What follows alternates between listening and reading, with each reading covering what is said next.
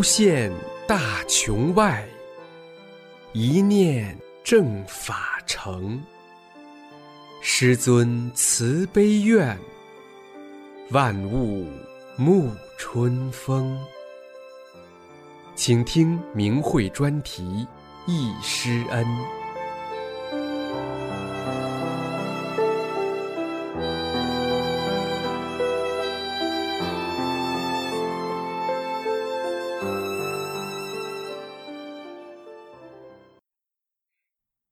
请听明慧忆师恩专题文章，题目是《参加师尊广州讲法班的日子》，作者湖北大法弟子胡莲。文章发表于明慧网，二零零六年十二月二十日。每当我读到《转法轮》中师父所说，我觉得能够直接听到我传功讲法的人，我说真是。将来你会知道，你会觉得这段时间是非常可喜的。当然，我们讲缘分，大家坐在这里都是缘分的时候，我心里总会涌起一阵激动，常常热泪盈眶。十二年前，一九九四年十二月十八日至二十八日，我参加了师傅在广州举办的讲法班。当时我还不知道这是多么大的福分和幸运，但是越到后来，我越觉得这是多么可喜、多么珍贵和难得的机会啊！今年十二月十八日到了，我想把我的经历和感受写出来，与同修们分享。不当之处，敬请同修慈悲指正。一，师傅替我净化身体。出发去广州前，我的身体状况好好的，精神也很好。可是，在火车上半夜里，我的腰就开始痛起来，而且越来越厉害，就像要断了一样，疼痛难忍，不能翻身，也几乎起不来了。当时我还不知道，因为我的业力太大，不净化下来，修炼不了。师傅是在替我消业，而且进班前提前就为我做了。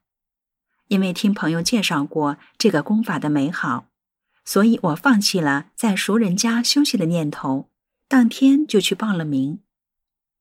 修炼之前，我腰痛的毛病就经常犯，做过理疗，注射过药水，打过封闭针剂，也吃了不少药，但仅仅是缓解或往后推了，并没有根治。想到师傅在《转法轮》中说。你觉着病得怎么难过？希望你都坚持来，法难得。你越难受的时候，说明物极必反。你整个身体要净化了，必须全部净化了。我坚持不间断地参加了师傅的班，整个听法过程中腰没痛过。更神奇的是，以后的十数年中，我再也没有腰痛了。二。第一天遇到的心境考验。开班那天，我高兴的来到了会场，想早点看到师傅，早点听到师傅讲法。我的座位在主席台的正对面，而且离师傅很近，真是个理想的位置。刚刚高兴的坐下来，一位年纪和我差不多的女同修走过来跟我商量，说她的听力不太好，坐远了听不清，希望我能和她换个座。既然同修有困难，我应该尽量帮忙，于是就答应了。等我找到他的座位一看，发现是在师傅的左后方，这意味着整个听法的过程中，我都看不见师傅的正面了。这还不说，我担心的是师傅打出的能量等好东西，在这后面能接到吗？心里不免有些疙瘩。谁知道，师傅好像知道我心里的想法。第二天的讲法中，师傅就告诉我们，都不会落下的，在我后面的都不会落下，在会场外面的也不会落下。师傅的慈悲让我觉得分外温暖，内心也充满了对师傅的感激。三，沐浴在纯正祥和、慈悲的场中。在听法的整个过程中，自始至终，会场都保持安静祥和，每一个人都在专注地听着师傅的讲法，生怕听漏了一句话、一个字。几千人的会场，只有师傅讲法的洪亮声音在回荡。学员们来自四面八方，有的人每天都从很远的地方赶来听法，但一走进会场就感到慈悲祥和，丝毫没有疲劳的感觉，反而感到从未有过的宁静舒适，总觉得精力充沛，头脑清晰。即使是少数人一时间产生了不好的念头，向师傅提问他的家庭生活时，师傅也是严肃的反问。你是来做什么的？你这是修炼吗？师傅的回答是这样的，发人深省，让在场的每个弟子都自然的想到了自己的思想是否纯净。四，在讲法班上，师傅给予我们的太多太珍贵。在这个班上，师傅把宇宙大法的法理讲给我们听。师傅说：“不知法，一天也修炼不了。这是我们千年不遇、万年不遇的机缘。”师傅为我们开天幕时，我两眉间的肌肉十分明显的感觉到王起聚。师傅说：“在这次班上，猛烈的清理你们的身体。”我感觉到，就是在师傅的一挥手中，我们全场弟子一跺脚中。师傅已替我们清除了病业的根，使我们进入无病状态，好的留下，坏的去掉。师傅又给我们下了法轮，成千上万的东西像种子一样埋下，同时还下上体外玄机。在这节课中，整个会场不时爆发出雷鸣般的掌声。讲法结束的那天。师傅又为我们打了大手印，真漂亮啊！但更重要的是，师傅通过大手印对弟子们寄予的希望。在世界上，在整个宇宙中，还有什么生命能与我们大法弟子相比呢？古代真正修道之人，就有“朝闻道，夕可死”的说法。那么，我们大法弟子岂不是更该有超过他们百倍、千倍的信心？五，我做了一个神奇的梦。师傅讲法结束后，当晚在返程的火车上，我做了个非常神奇的梦。我梦见自己到了高层空间，只见有云雾、阳光，在我身边站着一位老道人，他严肃慈祥。目光注视着前方，但没有说话。我沐浴在阳光中，感觉这阳光还有这位老人都给我一种温暖之外的感觉，分外舒适，十分美妙。我想，这就是慈悲的力量吧。这是我从未有过的感觉，融入我全身每个细胞中。这是过去十多年了，可我从未淡忘。就好像是昨晚发生的一样，我总是用这个梦来提醒和督促自己坚信大法、紧跟正法的脚步。九九年七二零后，全国铺天盖地的谎言和诽谤，我在修炼过程中也遇到了许多困难挫折，但每每想起亲眼看到师傅、亲耳聆听师傅讲法的幸运和美妙。想起师傅给予我们的和为我们承受的，以及我的这个梦，我总是想，我一定要坚定注视正法，兑现我的史前宏愿。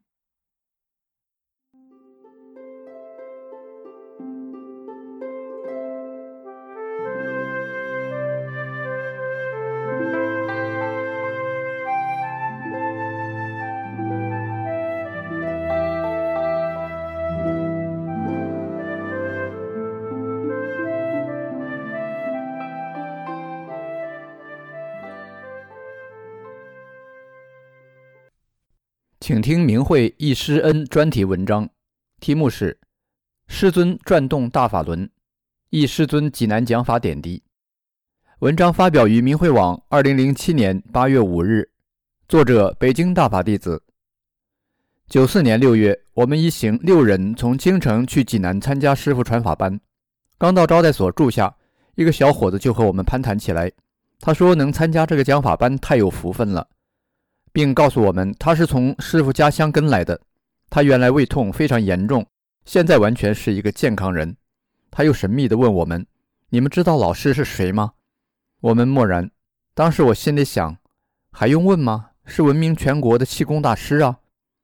他稍一停顿，就自豪地说：“这么告诉你们吧，一边做观音菩萨，一边做释迦牟尼。”师傅坐中间，我当时心里一惊，那师傅是比佛祖还高的佛吗？香山电工点的一位大姐刚从郑州讲法班跟过来，晚上她满脸带着喜悦的告诉我，师傅在郑州班上除掉了一个大魔头，那叫神。你刚参加班，一定要好好听讲。我心想，能除魔斩妖的，那一定是神佛了。我们怀着无限敬仰。无比激动的心情聆听师傅讲法，明白了真善忍是宇宙最高法理，身心也立刻发生着神奇的变化。六人中有的第一天听完课就看见内外空间的六个小婴孩在玩耍，有的感到手心和小腹有法轮旋转，有的天目看到了传法场的红光。和我们一起的日本朋友，原本来中国是学中医的，没想到遇上这么神奇的功法。神奇事不断出现，炎热的盛夏里，没有空调设备的体育馆却凉风习习。师傅一挥手，让我们一跺脚，身上顽疾全消。我来时沉重的双腿，一堂课后一身轻松。开天幕的同修告诉我们，传法场上到处是法轮。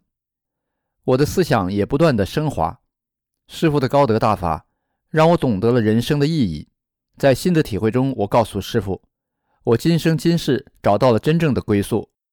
最后一堂课，师傅解答问题后，打了一套大手印。我虽然看不懂，但清楚地意识到师傅在对弟子谆谆教诲，并寄予极大希望。传法班就要结束了，掌声响彻全场，就要离开师傅了。大家站着不动，只是眼望师傅，用力鼓掌。师傅望着台下，微笑着向弟子挥手告别。大家还是站着不动。只见师傅眼望弟子，两臂抬起，转起了大法轮。全场大法弟子只感到全身沐浴在师傅的能量场中，那转动的大法轮深深地印在每个弟子的心上。弟子们流着热泪，依依不舍地告别了师傅。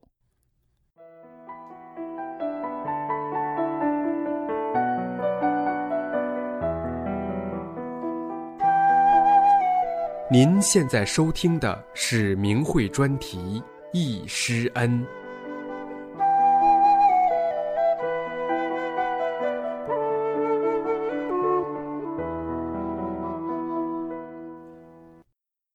请听明慧易师恩专题文章，题目是《易师恩永生难忘》。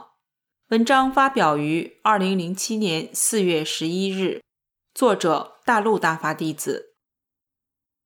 一九九四年八月五日至八月二十日，我有幸两次参加了师尊分别在哈尔滨和延吉举办的法轮大法传授班，是我终生难忘的日子。我幸运地听到师尊亲自传功讲法，我亲身感受到了师尊的慈悲和伟大，亲眼目睹了大法的神奇和超常。我感谢师尊。传给我这宇宙大法，给了我第二次生命。我衷心的感谢师父对我的慈悲苦度，写出来与同修分享。在传法班里，每天都能看到师尊那慈悲祥和的面孔，站在讲台上微笑的看着我们。师尊那一刻的伟大形象，弟子牢记在心，终生难忘。第一课看见师傅就是流泪，就像孩子与久别的亲人重逢一样，总是泪流满面的。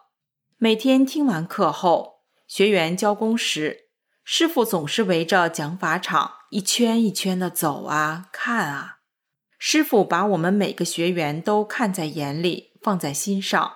我用语言难以表达师尊对弟子的慈悲苦度和关爱。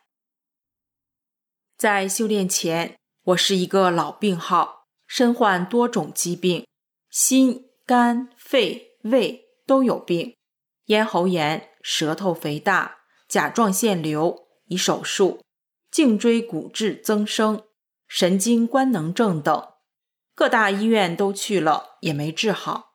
给工作带来影响，给家庭生活带来痛苦，真的生不如死。就在走投无路时，我喜得大法，是师傅救了我，给了我第二次生命。我记得在哈尔滨传法班上，有一天师傅说：“我不治病，只给真正修炼的人清理身体，请大家站起来想一下自己的病，跺脚。”按照师傅的要求做完后，瞬间我身体十多种病都不翼而飞了，感动的我流泪了，身体立刻感觉到轻飘飘的，是我有生以来真正感受到无病一身轻的美好。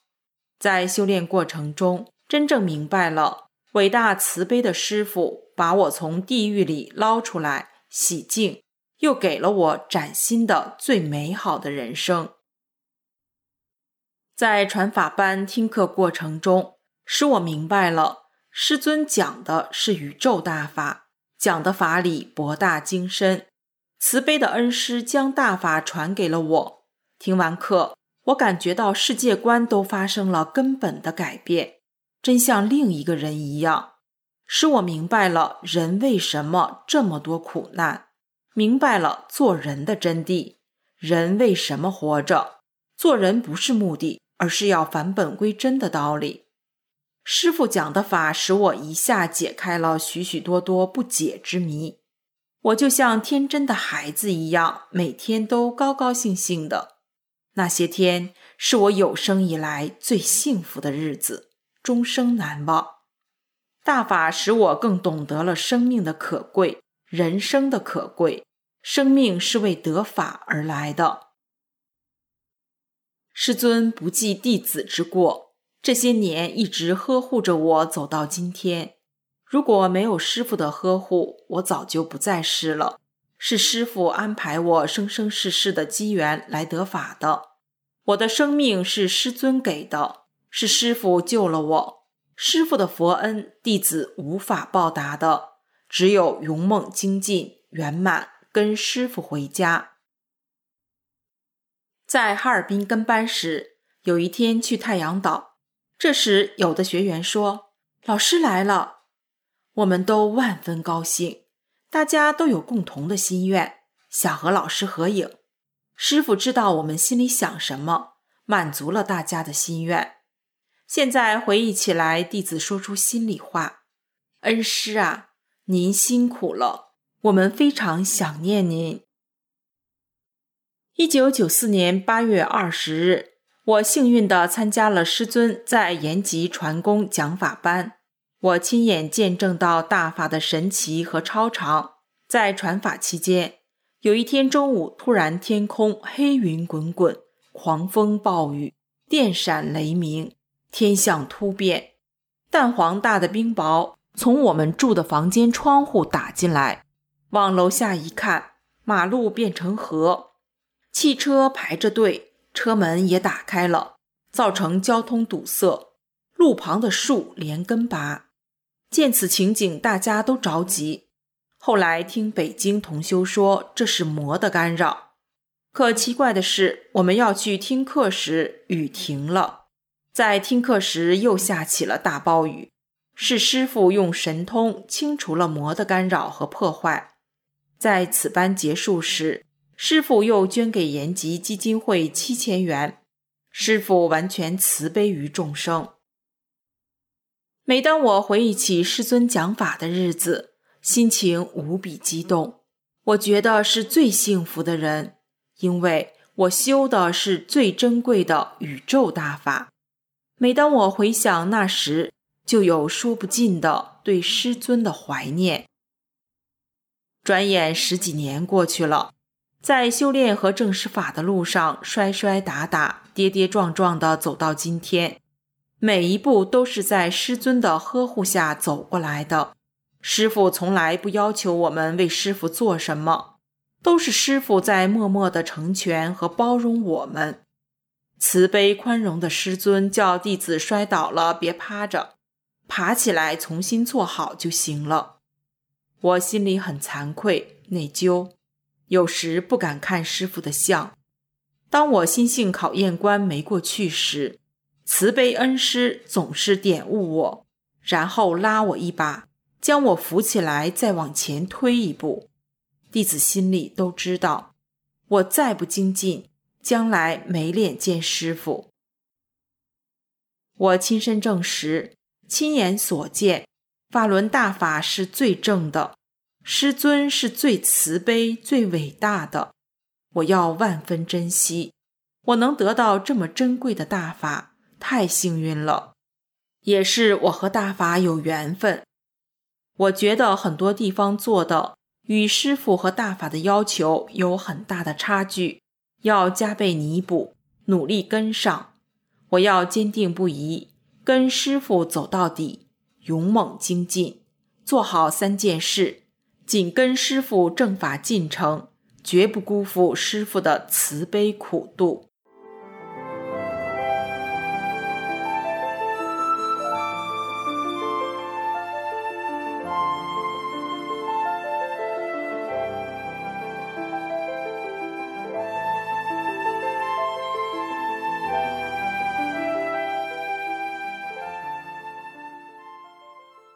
请听明慧易师恩专题文章《易师傅东营讲法》。从网上看了同修写的《师傅东营行》一文，使我泪水充满了双眼。回忆师傅的讲法，感到了师傅的慈悲无比宏大。一九九四年春节，我还在上中专，寒假期间正好赶上师傅来东营传功讲法。因为在九三年，我已经看到气功杂志上刊登的关于法轮功的介绍后，开始练习动作了。一有这样的机会，就想去学。大年初二晚上，我来到垦利县政府东方红礼堂参加培训班。第一堂课，师傅穿着皮夹克走到台上，我听到有人说：“老师怎么穿着皮夹克呢？”师傅用手抓住拉链的部位，风趣地说：“这个啊，是隔的。”然后师傅开始讲课。师傅说：“我想年我也过了，就来了。”师傅的讲课使我耳目一新，完全不是从各种气功杂志上看到的那些东西。初四下午，我和一起学习的朋友找到了垦利县政府招待所。当时师傅刚刚从食堂吃过晚饭出来，女儿挽着师傅的胳膊，我和朋友都说了一声“老师好”，师傅嗯着点了点头。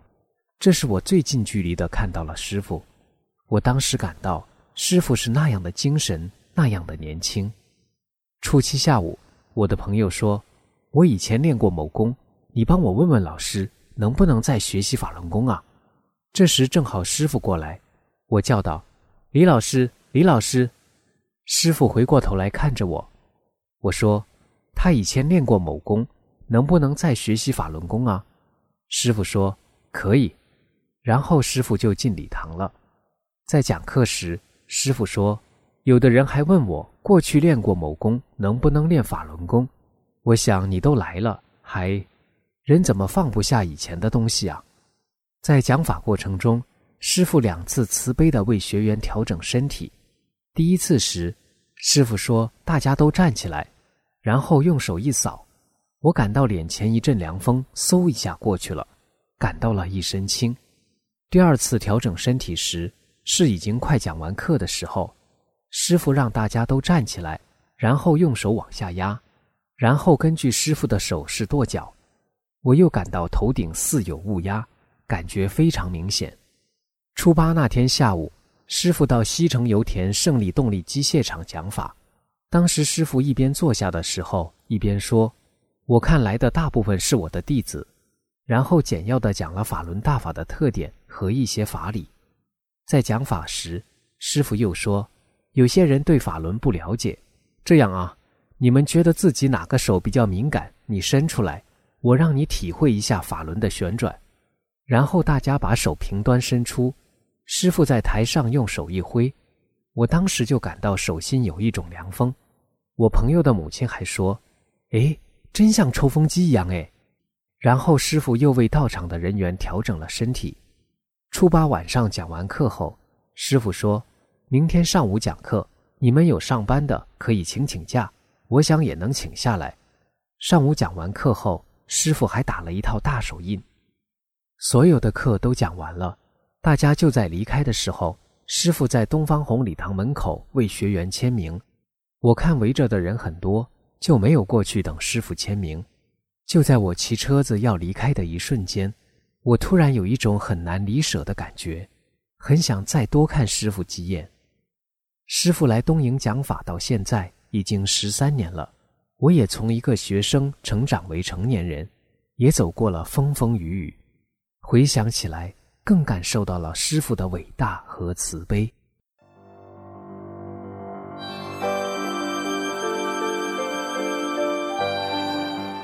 这一期的易师恩就到这里，谢谢收听。